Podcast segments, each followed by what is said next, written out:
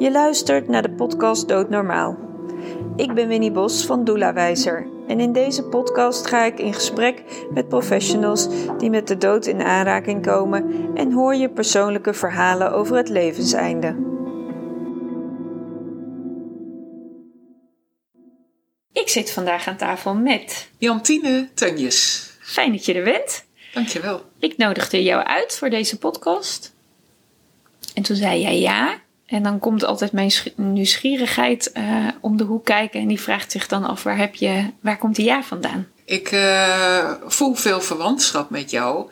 Omdat we allebei wel iets met sterven en de dood hebben. Want wat, uh, wat heb jij zelf met het sterven en de dood? Wat, wat is jouw verwantschap daarmee? Een heleboel eigenlijk. Ik ben ooit ben ik opgeleid als arts alweer een aantal jaartjes geleden. Mhm. En uh, ik heb de kant gekozen om als ouderengeneeskundige te gaan werken. Mm Als ouderenarts. Dat was toen nog verpleeghuisarts. En het heet nu specialist ouderengeneeskunde. Ik ben ook nog als zodanig geregistreerd. En uh, heb ook jarenlang in loondienst gewerkt. En daarbij heel veel mensen zien sterven. En daar uh, ja, van alles in ervaren en gezien. Yeah. Begeleid ook heel veel. Dus uh, dat is ook heel mooi. Maar ik heb ook familieleden uh, zien sterven. Mm. Langer geleden, maar ook recenter. Dus daar ook heel veel in gezien. Ja. En, en wat zijn dingen die je daarin gezien hebt? Wat, wat heb je meegemaakt? Wat is je opgevallen? Uh, wat mij heel erg is opgevallen, ehm, toen ik, als ik dan even vanuit mijn werkervaring, mm -hmm. dan uh, viel mij op dat ik, uh, ja, ik heb wel een bepaalde intuïtie van waar mensen in een proces zitten. En dat is natuurlijk ook een stuk uh, ervaring op een gegeven moment, maar ook een combi van ervaring met intuïtie en kennis. Die, ja. die dingen eigenlijk samen. En op een gegeven moment had ik zoiets van, ja, deze mevrouw of meneer, die heeft niet lang meer. En dan uh, nam ik ook actie. Dan uh, zorgde ik ervoor dat de partijen bij elkaar kwamen, zodat we een gesprek daarover konden hebben. En in de meeste gevallen was ik dan mooi op tijd. Het kan natuurlijk dat iemand ook in zijn, in zijn slaap overlijdt. Ja. Ik heb ook wel dienst gedraaid dat mensen totaal niet kenden en dat je moest gaan schouwen. Mm -hmm. Dat kwam ook voor. Dus dat heb ik ook gezien. En de ene keer was dat uh, lag iemand er heel vredig bij. Ik heb ook wel eens meegemaakt dat ik midden in de nacht werd gebeld dat iemand uh, half op zijn bed lag, half ernaast, omdat hij nog had geprobeerd toen hij het benauwd had om uh, bijvoorbeeld nog in of uit bed te gaan. Hè? Dat heb ik ook wel eens gezien, dat het er wat minder ja, mooi uitziet, om het maar zo te zeggen. Mm -hmm. Dat je de indruk hebt in elk geval van die persoon die wil nog hulp hebben. Dat uh, vind ik wel, vond ik dan wel uh, ja, heftig om te zien. Ja. Maar in de meeste gevallen, zeg maar 90, 99 procent van de gevallen, waren mensen in het verpleeghuis toch heel vredig uh, gegaan. En lagen ze er heel rustig en vredig bij. Ja, want je hebt als arts zeg maar eigenlijk een beetje de dubbelrol. Hè? Je bent de arts van het verpleeghuis. Dus je, je, je doet de verpleging eigenlijk samen met natuurlijk de verzorgende en de verpleegkundige in het, in het uh, zorgcentrum. Uh-huh. Maar je hebt inderdaad ook de rol van de, schouw, de schouwarts. Dat als iemand ja. gestorven is, dat je moet zorgen voor ja, de, de paparassen die dan eigenlijk ook ja. hè, ingevuld moet worden. Nou ja, Precies. De, natuurlijk de constatering van de dood met dan de aanvullende papieren die daarvoor ingevuld uh, moeten worden. Ja, vrij snel al heb ik de keuze gemaakt om in het verpleeghuis te werken. En dat had ook redenen dat ik uh, moeite had met de hiërarchie in het ziekenhuis. Mm-hmm. Waar ik dingen had gezien die ik ja, wat minder vond. En uh, nou ja, dat je daardoor veel geconfronteerd werd met eindelevensprocessen en de dood. Dat, ja, dat is ook iets wat er dan al heel snel bij kwam het is meer dan alleen wonden verzorgen en uh, diabetes instellen. En mm -hmm. uh, nou ja, komt ook heel veel bij. Het is een heel gevarieerd vak wat dat betreft hoor. Dus uh, ook heel interessant wat dat betreft. Ook zeker voor jonge artsen om die keuze te maken, want het is wel heel breed. En wat leggen ze uit, breed? Want voor mensen die daar echt totaal geen beeld van hebben, wat, wat is de breedte van het vak van dat je echt in die oudere geneeskunde actief bent? Nou, eigenlijk is het, uh, zoals huisarts, dat is een heel generalistisch uh, vakgebied. Dat is Mhm. eh, heel, heel breed. Dat gaat van eh, kleine kinderen tot, eh, Ja. tot ouderen. Maar daardoor ook weer oppervlakkiger in bepaalde opzichten hoor. Ook niet altijd. Want ook daar zijn specialismen in mogelijk. Mhm. Maar ehm, daar heb je wel de hele breedte eigenlijk. Maar als ouderenarts heb je dan wel een, ja, alleen vooral de ouderen, maar daar bedoel ik ook mee. Wat er in een verpleeghuis zit en in een thuissituatie kan bijvoorbeeld ook jongere mensen zijn die een ongeluk hebben gehad en hersenschade hebben bijvoorbeeld. Ik heb ook bijvoorbeeld met mensen met NAH gewerkt, dat Ja. is niet aangeboren hersenletsel. Ja. En dat kan zijn na een ongeluk. Mhm. Maar dat kan ook zijn eh, door eh, eh, een of andere ziekte. Daar heb ik ook van alles gezien. Ja. Dus eh, in die zin is het ook wel weer heel breed. En ook wat je doet eigenlijk voor de mensen is ook breed. Ja. Ja, want het, wat de mensen die in uiteindelijk een verpleeghuis terechtkomen, dat is wel de afgelopen jaren heel erg veranderd. Hè? Ja, Want voordat je tegenwoordig in een verpleeghuis komt, dan moet je wel echt eh, heel veel mankeren. Ja. Heb ik het idee. een zware indicatie moet je kom- hebben. Daar kom ja. je niet zomaar meer, zeg maar. Nee, klopt. Nee. Nee. klopt. Dus daar zijn mensen, de duur, kan ik me zo voorstellen, van mensen die in een verpleeghuis verblijven, is de afgelopen jaren, tenminste geen idee, want ik heb cijfers niet bekeken, maar ik kan me zo voorstellen dat de duur van het verblijf van mensen in het verpleeghuis aanzienlijk korter is geworden. Klopt, omdat ze er al slechter in komen ja, en dus dan waarschijnlijk ook niet zo lang daar hoeven te verblijven. Dat dat? klopt. Ja, helemaal. Ja, Ja. Want ze komen al met een zwaardere indicatie binnen. Ja. Vroeger had je nog het bejaardenhuis. Als je al Ja. 65 was, dan ging je naar het bejaardenhuis. Ja. Daar kon je voor kiezen. En dan eh, was het meer een gezellige eh, groep oudere mensen bij elkaar die eigenlijk niks mankeerden.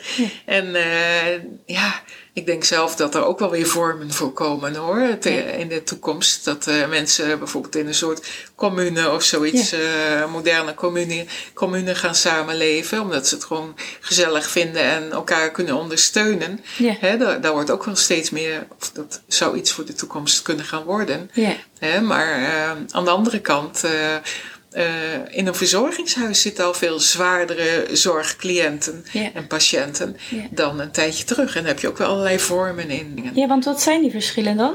Komt erop neer, je hebt particuliere instellingen. Ja.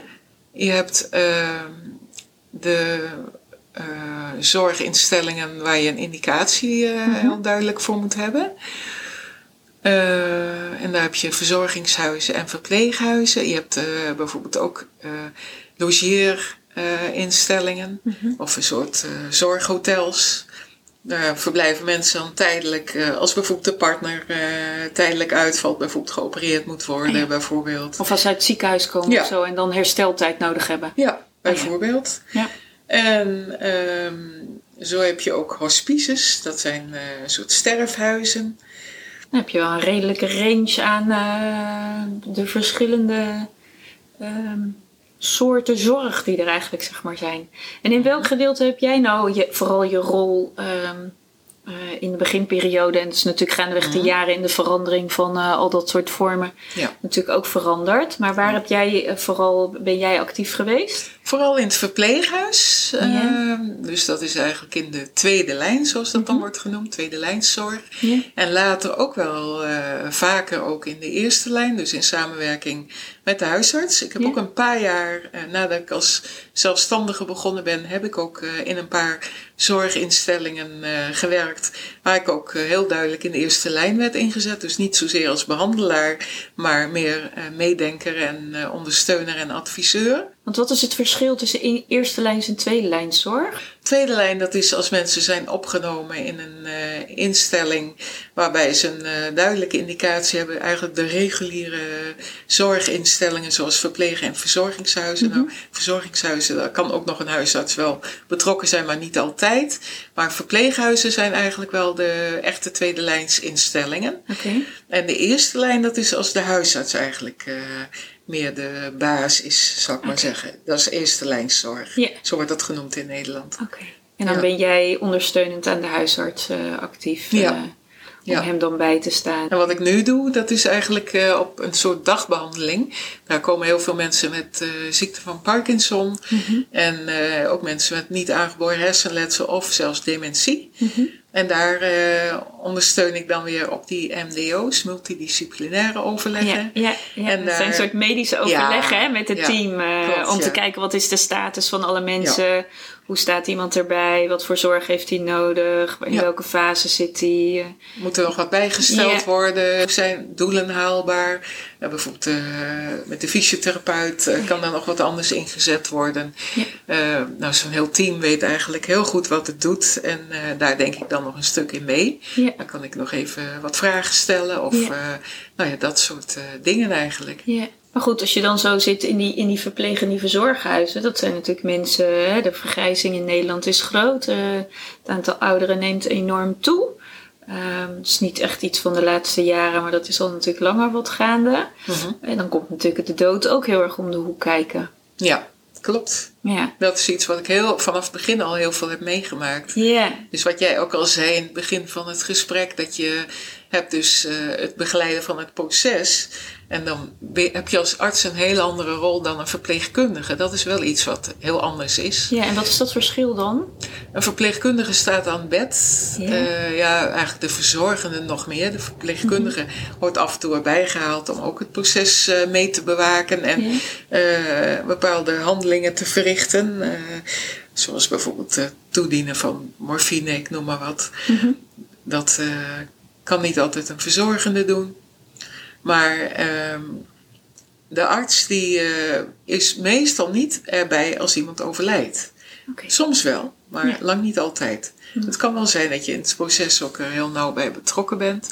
Maar daar staat dan meer de ziekenverzorgende en de verpleegkundige. En heel vaak wordt de arts er dan bijgehaald als er zich bepaalde problemen voordoen. Dat iemand bijvoorbeeld uh, pijn heeft of mm -hmm. ongemak. En dan uh, kijk je als arts van wat kan ik doen aan de medicatie eventueel. Ook in overleg weer met familie. Mm -hmm. is het proces, is hier al terminaliteit of... Uh, is er nog iets anders aan de orde? Kan er nog iets gedaan worden aan uh, het een en ander waardoor het misschien weer wat beter gaat? Of moeten we hier echt verder gaan en het palliatieve beleid, dat is ook een medische term, hè? Ja. Ja, ja, dat is eigenlijk dat je puur verzachtend bezig bent. dat je niet meer alles uit de kast haalt om iemand nog te laten herstellen. Meestal houdt het ook in geen ziekenhuisopname meer Soms ook wel hoor. Ja, want maak je daar afspraken over? Vanuit uh, dat als iemand in een verpleegverzorghuis is, van wanneer ze nog wel sprake van een opname in het ziekenhuis? Of nou ja, geen idee welke andere afspraken je mhm. nog kan maken. Ja. Wordt dat met de familie afgestemd? Ja. Misschien met degene zelf? Dat is heel belangrijk dat dat met de arts gebeurt, met de behandelend arts. Maar daar heb ik ook wel in de, toen werkte in de eerste lijn, uh, dat ik ook daar wel bij werd betrokken. Dat bijvoorbeeld die huisarts het dan wel fijn vond als ik er dan ook bij zat om nog even de dingen wat uh, beter aan te scherpen of te ondersteunen. Ja. En soms heb je ook te maken, dat komt overal ook voor, met wat moeilijkere zeer betrokken, maar wel wat moeilijkere familieleden. Die dan bepaalde dingen moeilijk vinden om onder ogen te, te zien. Hoort ook bij een uh, loslaatproces. Dat er ook stadia in zijn. Wat ook er gewoon bij hoort echt. Dat mensen eerst het nog niet helemaal zien. Dat iemand bijvoorbeeld uh, terminaal is of uh, dement of wat dan ook. Dat, ja, kunnen dat mensen eigenlijk zijn. niet willen toegeven dat iemand ziek is. Ja, dat, en, dat, ja. en, en dat echt er een veranderend proces gaande is die met de dood eindigt. Precies. Ja. Ja, ja. ja. En dat uh, kun je dan noemen moeilijkere familie. Je kunt ook zeggen het is een proces waar iedereen op de een of andere manier doorheen gaat. En de een ja. gaat er wat makkelijker doorheen dan de ander. En de een ja. kan wat makkelijker loslaten en laten zijn wat er is op dat moment dan de ander. En uh, soms neemt dat uh, hele heftige vormen aan zo'n proces bij een familie. En soms gaat het ook vrij gemakkelijk.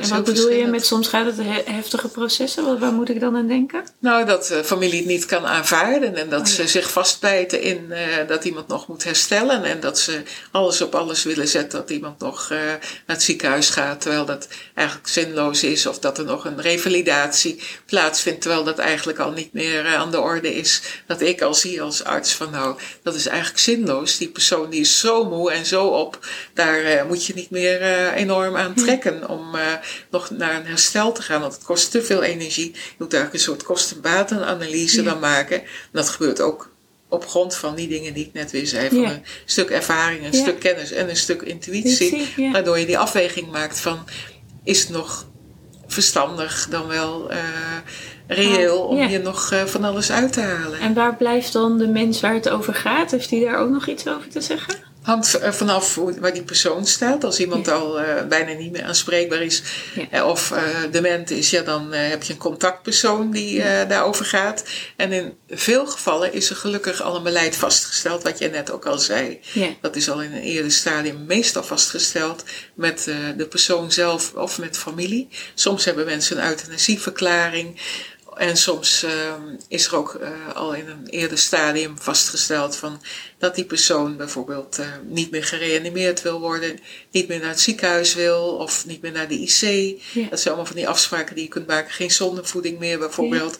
En soms ook wel. En, en, en wordt dat ook toegepast? Want ik ben zelf wel eens Mhm. ooit eh, in een, eh, was het nou een verpleeghuis of een verzorghuis, dat weet ik eigenlijk niet. Maar waar ik terecht kwam was eh, de zwaar dementerende afdeling waar eh, letterlijk een code op de deur zat. En eh, ik was daar samen met een groep medestudenten waarbij eh, eh, een van mijn medestudenten had een, een opdracht uitgeschreven dat wij daar met elkaar een dag eh, ja, warmte, liefde en zorg zouden komen bieden. En wij werden ieder op een, een afdeling ingedeeld. Dat had geloof ik de zorginstelling gedaan. Ik weet eigenlijk niet eens meer hoe dat is eh, geweest. En, ehm, en ik kwam op de zwaar dementerende afdeling. Dus, eh, Geen idee waarom ze mij daar stopten, maar daar vonden ze me heel geschikt voor. En ik heb daar werkelijk waar met mijn mond open, met grote verbazing toegekeken wat daar gebeurde. Daar werd, werd een vrouw eten toegediend die in alle toonaarden liet blijken dat ze dat niet meer wilde. Oh, jeetje. En dat werd toch toegediend. Ja, dat is heftig. En, en, En ik- waarom? Weet je ook wel? Ja, nou ja, wel- ik heb daarnaar gevraagd. Ik, eh, zo van, ja, ik zeg, ik zie toch echt super duidelijk. En ik hoop jullie ook dat deze vrouw toch echt niet meer wil eten. Ja. Ja, en zij zeiden van ja, maar dat, wij mogen dat niet toestaan. Hoe lang is dat geleden? Eh 2011. Oh, heftig, want eh, Ja. dat is dwang eigenlijk, Ja, dwangverpleging. nou ja, zo, zag het, zo zag Ja. het er ook echt uit. Ja, ja. En ik weet nog dat we daar ook op de afdeling een, een, eh, iemand, dat is ondertussen weet ik veranderd. Dat was toen volgens mij in de overgangsfase toen mensen nog wel aan het bed werden vastgemaakt. Omdat ze gewoon te, Ja. Echt te agressief waren. Oh. Eh, en ik weet nog dat daar twee mensen op de afdeling waren. Dat was, het was ook echt een heel onlogische plek. Want het was een afdeling met twee huiskamers die niet aan elkaar verbonden waren. Want er zat een gang in het midden. En wij waren daar de hele dag. En er was dus ook op enige momenten lunchtijd.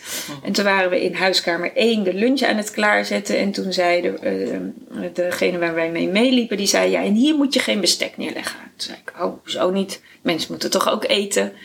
Toen zei ze, ja, maar deze, deze mannen, het waren twee mannen die daar hun vaste plek hadden. Want het bleek dat iedereen wel zo'n vaste plek had in de huiskamer. Ja, die zijn niet toevertrouwd met een mes en vork. Ik dacht, oké. En je had ook een paar van die mensen op de afdeling. Daar moest je heel erg ook mee rekening houden. Dat als je bij de deur naar buiten ging. Want die zaten dan op de stoel bij de deur. Te kijken of ze de code konden onthouden. Dat Oh, vond ik ja. ook zo hilarisch. Ja, Ik dacht, ja, we denken wel dat ze hartstikke dement zijn. Maar gek zijn ze ze- zeker nog niet. dus ik moest daar zelf ook altijd wel om lachen. Dat ik denk, ja, je- wij kunnen dan denken van mensen alsof ze heel erg de weg kwijt zijn. Maar in, in wezen zijn ze dat ook weer niet. Weet je, dat vind ik dan ook wel weer mooi aan ons mens zijn. En, maar goed, we hadden dus die ene eh, huiskamer, eh, het bestek voor het, eh, de lunch neergezet. En daar stond dan ook een kar met wat eten. En we gingen naar de andere huiskamer. Eh, daar alles voor de lunch klaarzetten. En wij zijn daar klaar. En wij wandelen naar de andere huiskamer. En daar zitten gewoon twee heren op hun vaste plek. Met een boterham in hun mond. Gewoon een boterham te eten. Ja. Want wat hadden deze heren gedaan? Ja, je kan er wel geen bestek hebben, maar je hebt ook gewoon vingers. Die stop je dan in een botervloot en dan schep je daar boter uit. En die smeer je op je boterham. Ja, en als er dan nog niet verder beleg in huis is, nou dan eet je toch een boterham met boter. Ja, Waarom heb je een mes nodig? ja, ja. Ja, en ik kwam niet meer bij van het lachen, want ik vond dat echt hilarisch. Zo creatief, ja. ja. Ik dacht, ja, ik bedoel, je kunt dan wel denken dat deze mensen zo de mensen een deur zijn en dat ze de weg kwijt zijn. Maar de weg zijn ze helemaal niet kwijt, want ze weten nog prima hoe je boter op een brood moet smeren. Je hebt toch ook gewoon vingers als je geen mes hebt. Ja, ja. Ja, en, en degene die daar dus werkte, die werden daar heel erg boos om. Oh. Oh. Ja, en ik dacht dan, oh, waarom word je dan toch zo boos? Want Ja. had het dan omgedraaid. Had dan eerst die andere huiskamer gedaan. Ja. En dan de huiskamer met de mensen waar dus problemen mee zijn. Ja, misschien Ja. kijk ik er dan anders naar. Ja. Geen idee. Ik wil ze ook helemaal niet veroordelen. Nee. Maar ik dacht wel, ja, hoe kun je daar nou boos om zijn? Ik kan daar eigenlijk alleen maar heel hard om lachen. Want dan denk ik, ja, Ja. hoe we ook de weg kwijt zijn. We zijn nog ongelooflijk creatief. Ja.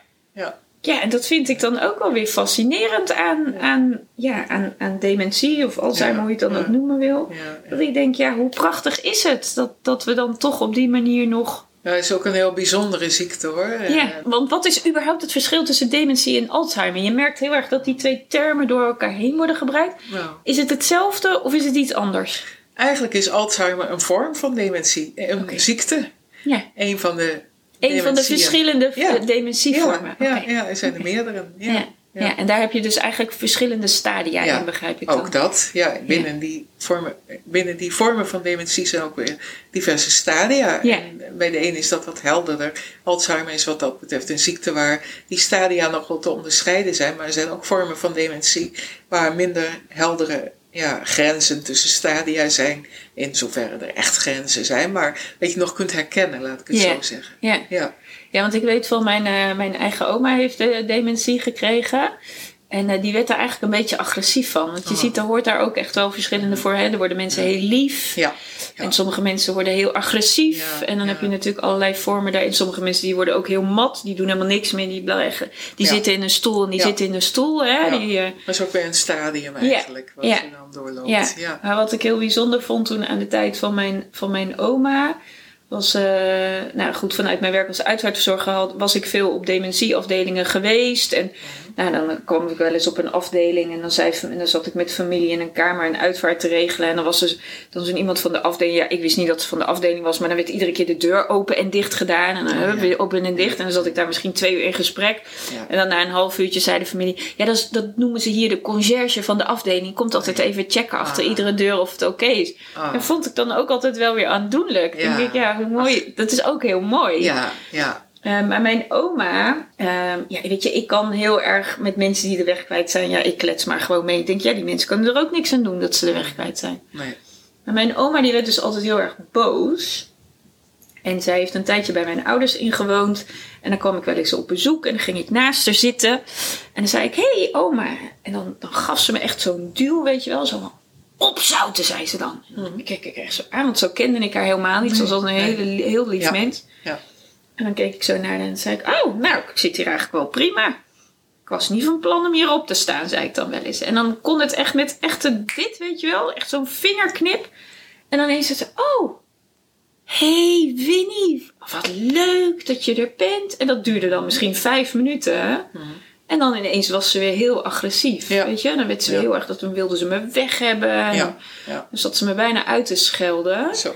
Ja, ja. Ehm, dat vond ik fascinerend Ja. hoe snel dat brein dan zeg maar zo kan, eh, kan schakelen. ja, ja. Dat is ook het beschadigde brein natuurlijk. Ja. Hè? Ja. Want is er een reden waarom mensen dementie krijgen? Is, is, is, of is, er, is daar een reden voor? Nou, het is ook een, voor, een ziekte in feite, zoals je ook het aan je hart kunt krijgen. Zoals je ook, kijk, je kunt het eh, puur medisch bekijken, hè, vanuit medisch perspectief. Is met alle ziektes zo. Je kunt ook eh, wat breder kijken naar... Eh, spiritueel ja, of zo? ja. ja. Ja, en daar ben ik alle twee wel voor te vinden. Om, Ja, en als je om- het heel medisch bekijkt, wat is dan jouw... Puur medisch, dan is er een of ander iets in de hersenen wat Mhm. door veroudering vervormt. eh, vaten die slechter worden, dan heb je bijvoorbeeld de vasculaire dementie. Mhm. Eh, of eh plaks die in de hersenen ontstaan, waardoor Alzheimer ontstaat, of mengvormen.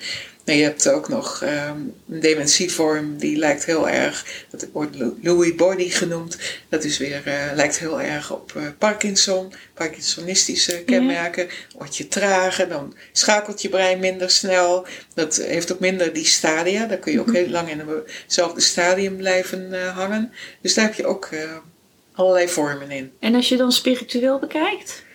Dan kun je je afvragen, wat is dementie? En Ja. waarom eh, willen mensen vergeten? Ja, en, precies. eh, ja. Waarom is dat? Ja, ja, daar heb ik ook niet een eh, eensluidend antwoord op. Nee. Maar ik heb wel het idee dat heel vaak mensen trauma's oplopen in hun leven, waardoor ze bepaalde dingen liever niet, of heel erg dingen hebben onderdrukt.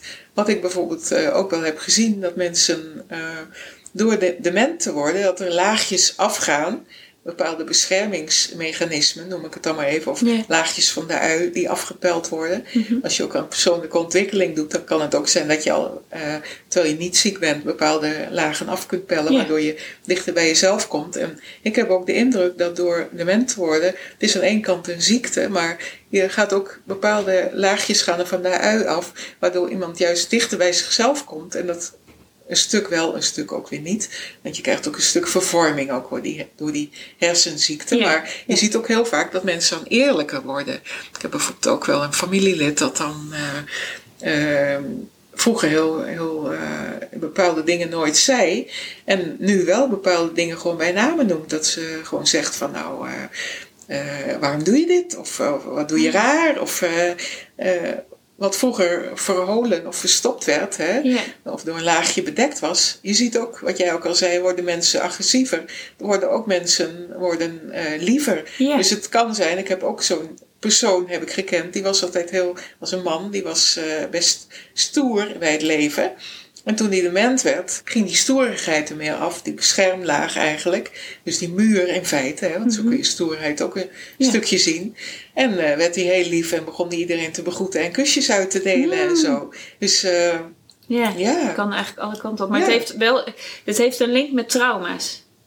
en zo zie ik het wel een stukje, ja. ja. Ja. Want het kan ook zijn dat er bijvoorbeeld bepaalde trauma's van vroeger heel erg naar de voorgrond komen. Dat iemand in één keer eh, eh, weer in het concentratiekamp is. Eh, Dat er bepaalde dingen op zo'n afdeling daaraan doen denken. En dat is Ja. wel heel dramatisch natuurlijk. ja, want als je nu kijkt natuurlijk naar de leeftijd. Ik bedoel, er zijn ook wel wat jongere mensen die 40 of 50 zijn. Die ook wel deze ziekte kunnen krijgen. Mhm. Maar over het algemeen genomen ehm, zijn het natuurlijk wel vooral de 70, nou ja, 60, 70-plussers.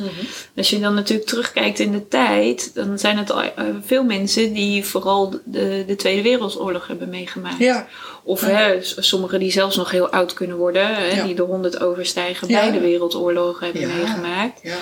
Ehm, eh, en dat is natuurlijk afhankelijk van waar je dat hoe hebt beleefd of in wat voor gezin je bent grootgebracht. ja.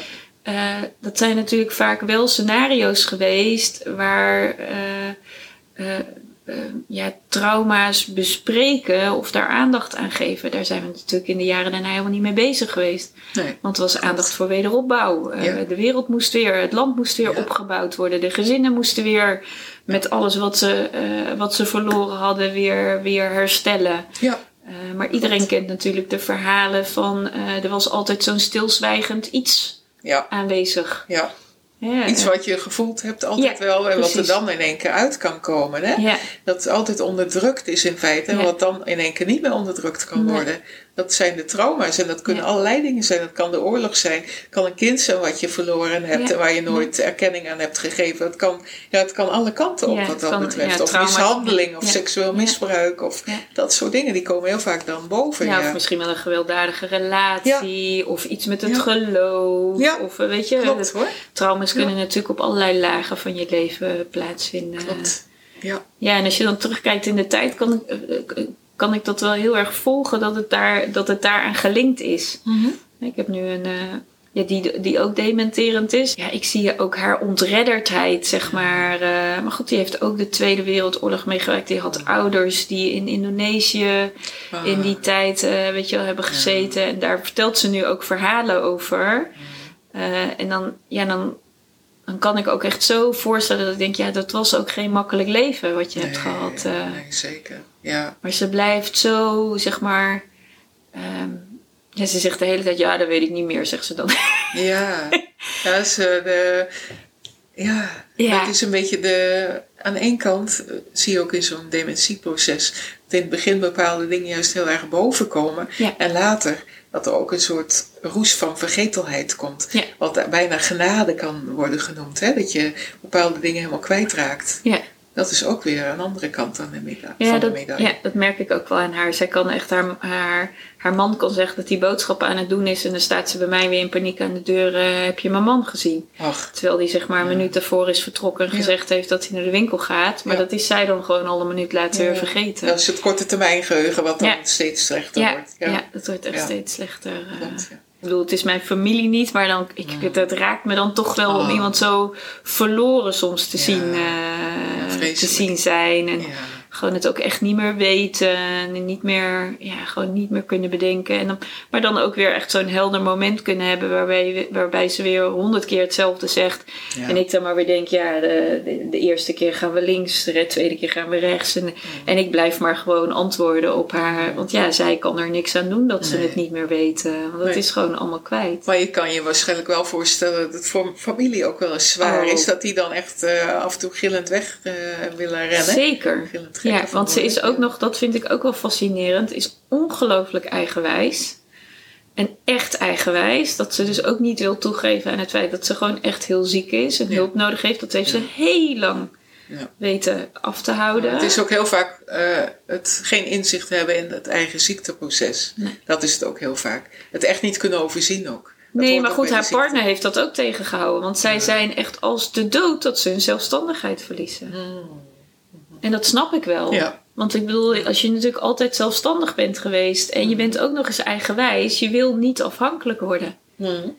En Ja. zij zijn gewoon ongelooflijk bang dat ze hun, eh, dat ze hun eh, onafhankelijkheid Ja, verliezen. dat wil geen mens in feite. nee, dat is, ook een heel natuurlijke ja. eh, reactie, denk ik. Ja. Maar dat maakt het voor hem als partner heel ingewikkeld. Want als ze s'nachts in, in paniek wakker wordt, wat ik dus wel eens van hem hoor. Mhm.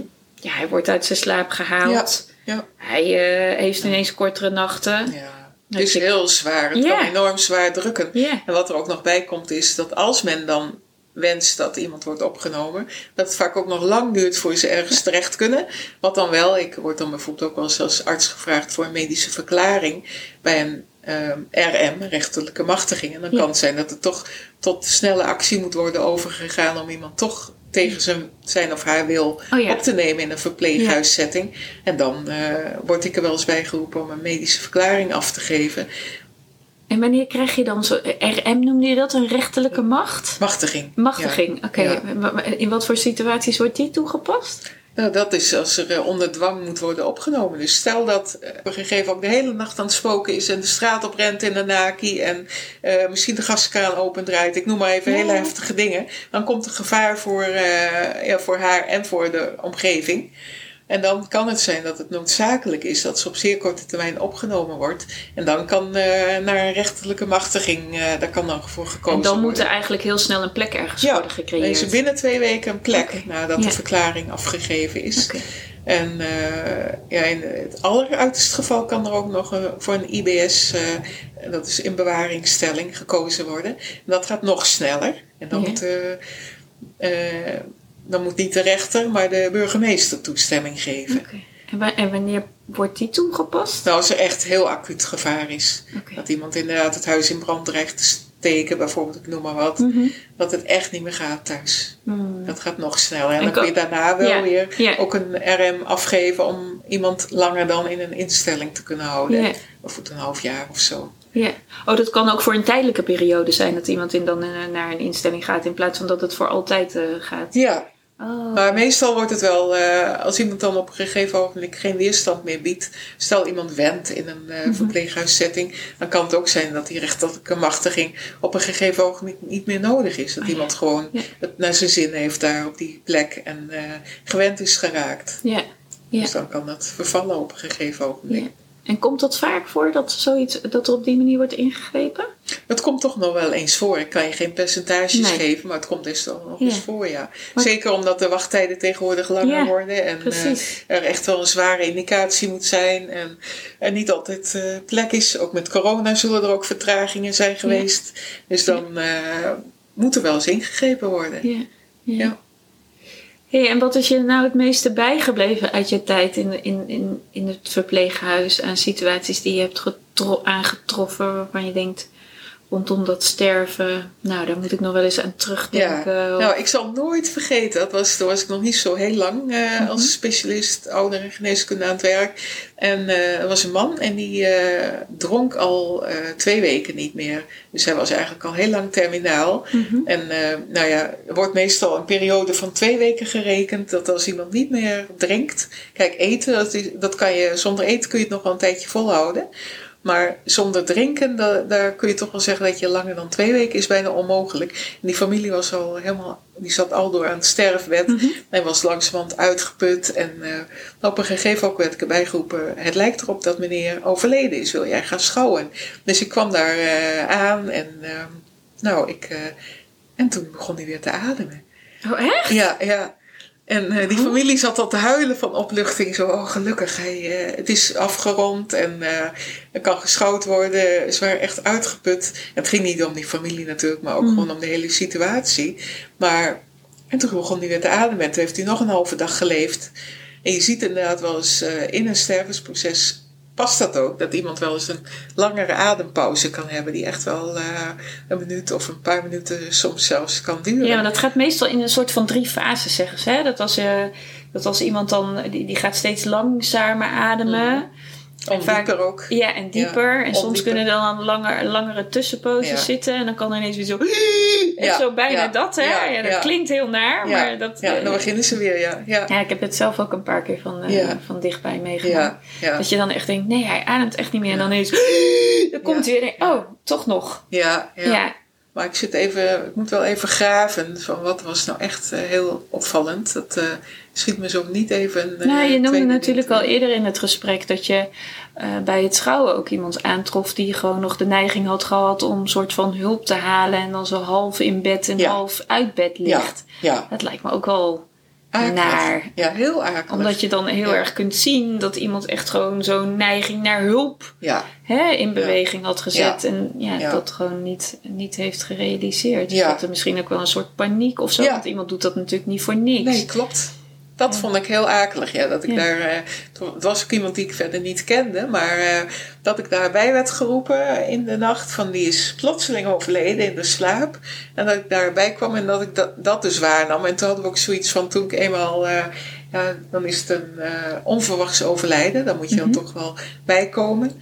En ehm, ja, dat je dan ja, op dat moment wil je dan het liefst dat je iemand weer terug kunt leggen. Ja. En dan eh, kunt zorgen dat ja, het paniekerige er wat afgaat. Mhm. Maar dat mag dan niet altijd meteen. Want eh, soms moet er ook nog een, eh, een speciale arts bij komen die... ook met name bij onverwachts overlijden Ja. ook nog kan vaststellen Ja.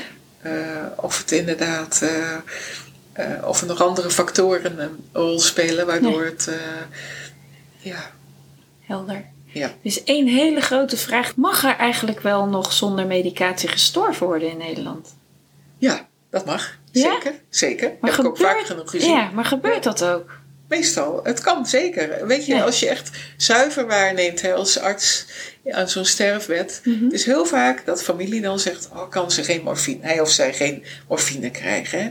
En dan als je, ja, als je als arts zuiver kijkt, dan kijk je gewoon, lijdt iemand? Heeft iemand pijn? Heb je de indruk dat hij pijn heeft? Heb je de indruk dat hij benauwd is of nog iets anders waarneemt? Als dat niet het geval is, waarom zou je dan in godsnaam medicijnen geven? Dat heb ik vaak genoeg ook wel, eh, dat ik dat niet heb gedaan. Hmm. Dat ik geen medicijnen heb gegeven. En dat iemand ook zo ging. Ja. Maar het kan ook soms zijn dat, het, dat er toch wel degelijk eh, iets van lijden in het gezicht te zien is. En dan vind ik het wel menswaardig als je daar dan iets bij kunt geven. Ja. En ook daar heb je wel weer allerlei methodes in. Hè? Eh, je kunt eh, palliatieve of terminale sedatie toepassen. Mhm. En wat is palliatieve en terminale sedatie? Wat houdt dat in? Nou, dat is eigenlijk dat je een pompje aansluit en dat je medicijnen toedient. Dat kan slaapmedicatie zijn of dat kan eh, eh, medicatie zijn om pijn te verlichten of benauwdheid. Dat is meestal morfine, Mhm. het eh, tweede. En slaapmedicatie is in veel gevallen een dormicum. En ehm, ja, dan kun je daar een bepaald evenwicht in zoeken. En ik zeg ook bewust palliatieve sedatie. Palliatieve sedatie kan ook inhouden dat je iemand sedeert om iemand rustiger te, te houden in een aflopend proces. Maar het hoeft niet meteen terminaal te zijn. Terminale sedatie is als je ook echt het liefst zou willen dat iemand eh, niet meer wakker wordt en heel rustig kan gaan.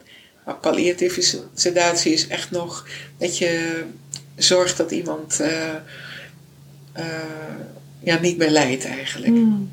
Puur palliatief, dus om te verzachten eigenlijk. Ja. En terminaal, dan zit je al echt in een eindstadium. En dan kan het best zijn dat iemand binnen één à twee dagen er niet meer is. Hmm. Het kan trouwens ook met palliatieve sedatie, dat het sneller gaat dan je denkt. heel erg afhankelijk van hoe, het hoe de status van het lichaam natuurlijk is. Dat is eh. niet altijd helemaal in te schatten. Het is vaak heel moeilijk te zeggen, nou het gaat nog zo lang duren. Ik kan me ook nog een keer herinneren. Nou, ik- had ik dienst en eh, werd ik bij een familie geroepen. En eh, die waren boos. En niet zozeer op mij, maar meer op de arts die daarvoor dienst had gehad. Die had namelijk gezegd, nou dit duurt geen 24 uur meer. En toen na 24 uur was me- meneer er nog. En toen werd ik erbij geroepen, ja wat, wat, wat nu? Eh, Ja. Hij had er al niet meer moeten zijn en we willen dit niet meer.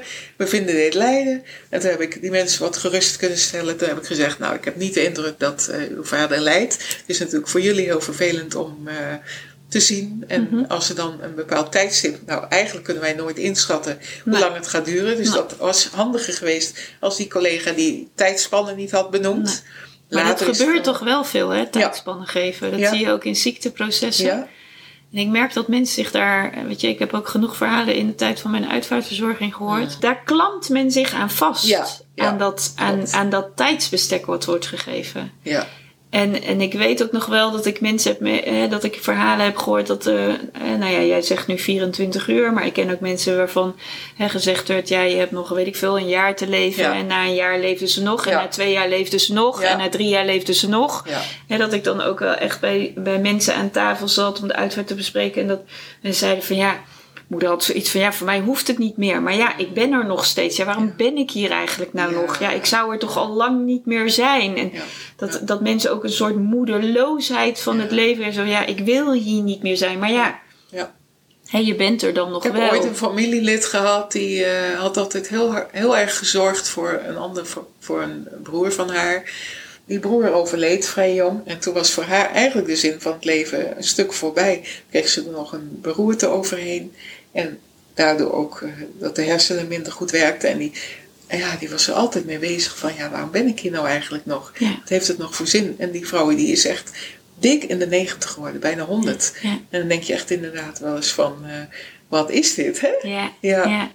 nou ben jij wel heel bewust uit die ouderen of uit dat verpleeghuis gestapt volgens mij. Hè? Bedoel, je, natuurlijk ben je er nog wel soms eens oproepbaar of met opdrachten in werkzaam. Mhm. Maar je hebt echt dat dienstverband eh, volgens mij echt heel bewust Ja. opgezegd. Ja, Is daar een reden voor waarom je dat hebt gedaan? gezondheidsredenen met name. Dat ik eh, merkte dat ik, eh, het is gewoon heel, een zwaar vak. En ik liep tegen een aantal grenzen aan en heb toen de keuze gemaakt van, dat gaan we dus niet meer doen. Niet meer als behandelaar. Ik wil wel meedenken in processen. Ik wil ook best betrokken worden en met name in de eerste lijn. Of Ja. zoals nu in een, eh, in een andere setting weer, maar ook voor mezelf. Ja. Dan eh, vind ik het eh, heel anders. En ik heb, ben ook eigenlijk mijn eigen werk aan het creëren. Dat bevalt, vind ik ook een heel fijn gevoel geven. Ja. ja. Dus Ja. dat je eigenlijk meer je tijd en ruimte en de manier wat, hoe je wil werken of welk werkstuk je wil doen, dat je dat nu zelf meer kan regisseren. Ja, meer Ja. eigen controle erover hebben en niet meer een baas boven me. Nee. Ik heb natuurlijk wel collega's waar ik nog mee samenwerk, maar dat is anders. Ja. Dan, eh, als ik bijvoorbeeld nu voor die zorginstelling waar ik nu voor werk, ja, dan voelt het anders. Ik heb niet een baas. Nee. Er is wel een directeur daar werkzaam, waar ik ook een goed contact mee heb, maar het is niet eh, mijn baas of Nee, zo. Dus dat is anders. Hey, en nu je dan zo in die ouderenzorg hebt gewerkt, hoe kijk je naar je eigen ouder worden? Hoe zou jij het willen? Ehm, nou, we hadden het net eventjes eerder in het gesprek over eh, bijvoorbeeld in een soort commune samenleven. Ik weet niet welke kant het op gaat bij mij. Ik, ik ben nu, eh, ja, eh, alleen zou ik maar zeggen. Ik heb geen eh, partner. En ehm, ja, het, eh, het lijkt mij niet leuk om helemaal in je eentje te verkommeren op een gegeven ogenblik. En als ik dan nog gezond zal zijn en ehm, ja, dan. Je hebt niet meer het bejaardenhuis waar je met meerdere mensen kunt wonen. Maar Ja, die is al lang, misschien, dat is al lang Ja. geschiedenis. Precies, maar misschien creëer ik dan tegen die tijd wel een woonvorm of dat er misschien iets bestaat. Ja. Dat je met meerdere mensen op een hofje woont en dat je eh, ja, toch eh, elkaar wat kunt ondersteunen hier en daar. En eh, dat je, ik weet niet welke kant het op gaat. Voor hetzelfde kom ik ook nog een leuke partner een keer Ja, tegen. ja, Dat ik ja. daarmee een eigen iets mee creëer. Maar wat ik wel mo- mooi vind aan je antwoord is dat je niet zegt ik wil wel naar het verpleeghuis.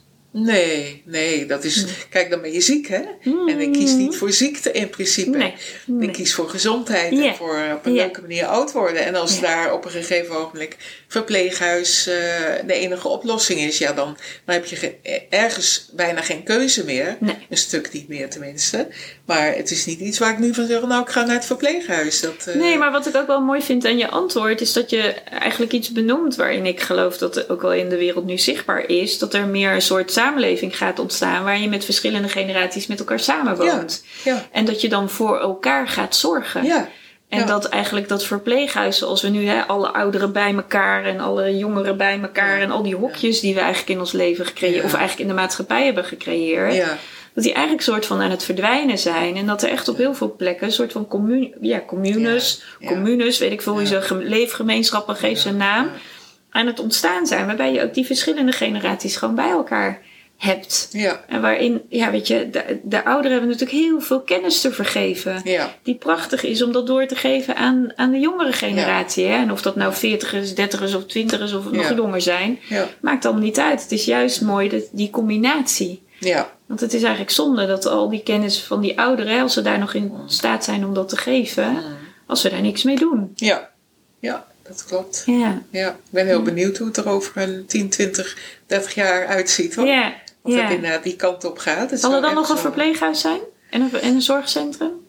Mm, ik denk wel dat er de behoefte blijft om toch eh, wel eh, goede zorg te verlenen aan mensen die dat echt nodig hebben. Maar je ziet nu al dat er, eh, dat er eh, bijvoorbeeld het, het verzorgingshuis, dat dat al een stuk aan het verdwijnen is. Maar je ziet wel weer als gevolg daarvan weer particuliere instellingen eh, overal oprijzen dus, eh, en ontstaan. Dus blijkbaar blijft er toch wel die behoefte, maar misschien in een iets andere vorm en wat meer eh, vanuit eh, wat mensen echt wensen. Dat, dat dat meer centraal komt te staan. Ja, dat is eigenlijk de mens eerst en dan de zorg, in plaats van Ja. de zorg en dan de mens. Ja, ja. en Ja. uiteindelijk blijft wel een zorgbehoefte. Daar geloof Ja. ik wel in. Want eh, we worden ouder en het lijkt ook op dat mensen ouder worden dan eh, jaren geleden. En daardoor zijn er ook verouderingsziekten. Je kunt natuurlijk zeggen, nou misschien moeten we er in de toekomst naar streven dat dat minder gaat worden. Dat zou helemaal mooi zijn, dat je meer preventief Mhm. zou kunnen werken, waardoor dat in mindere mate optreedt. Maar ik denk dat daar nog wel een tijdje overheen zal gaan. Ja, misschien moet ik dat niet hardop zeggen. Misschien kan dat al eh, binnen een korte tijdsbestek ontstaan. Dat zou helemaal mooi zijn. Ja. dat is wel een beetje mijn idealisme. Dat, Ja. eh, dat dat zou kunnen. Ja. Ja, Ja. ja, dus oftewel, we weten het gewoon niet, de toekomst. Nee. precies. Nee. Ja. Maar dat het anders wordt, dat is een zekerheid. Dat idee heb ik wel, ja. Ja. ja. sowieso. De hele samenleving heb ik wel het idee dat daar dingen in gaan shiften. Dat gevoel heb ik wel, ja. Ja. ja. Echt een nieuwe tijd ontstaan. ja, zeker. Nou, volgens mij zitten we in een hele veranderende tijd. Ja, Dus laten we met nieuwsgierigheid de toekomst tegemoet gaan en zien hoe wij daar ook in gaan bewegen. ja. Jij hebt jouw manier en ik heb mijn manier. Mhm. En dan wil ik je heel erg bedanken voor je gesprek. Graag gedaan. Je hebt geluisterd naar de podcast Doodnormaal. Mijn missie is om het levenseinde doodnormaal te maken. Iedere vrijdag staat er een nieuwe podcast voor je klaar. Volgende week spreek ik met Irene Kersten over hoe zij rust brengt na impactvolle gebeurtenissen.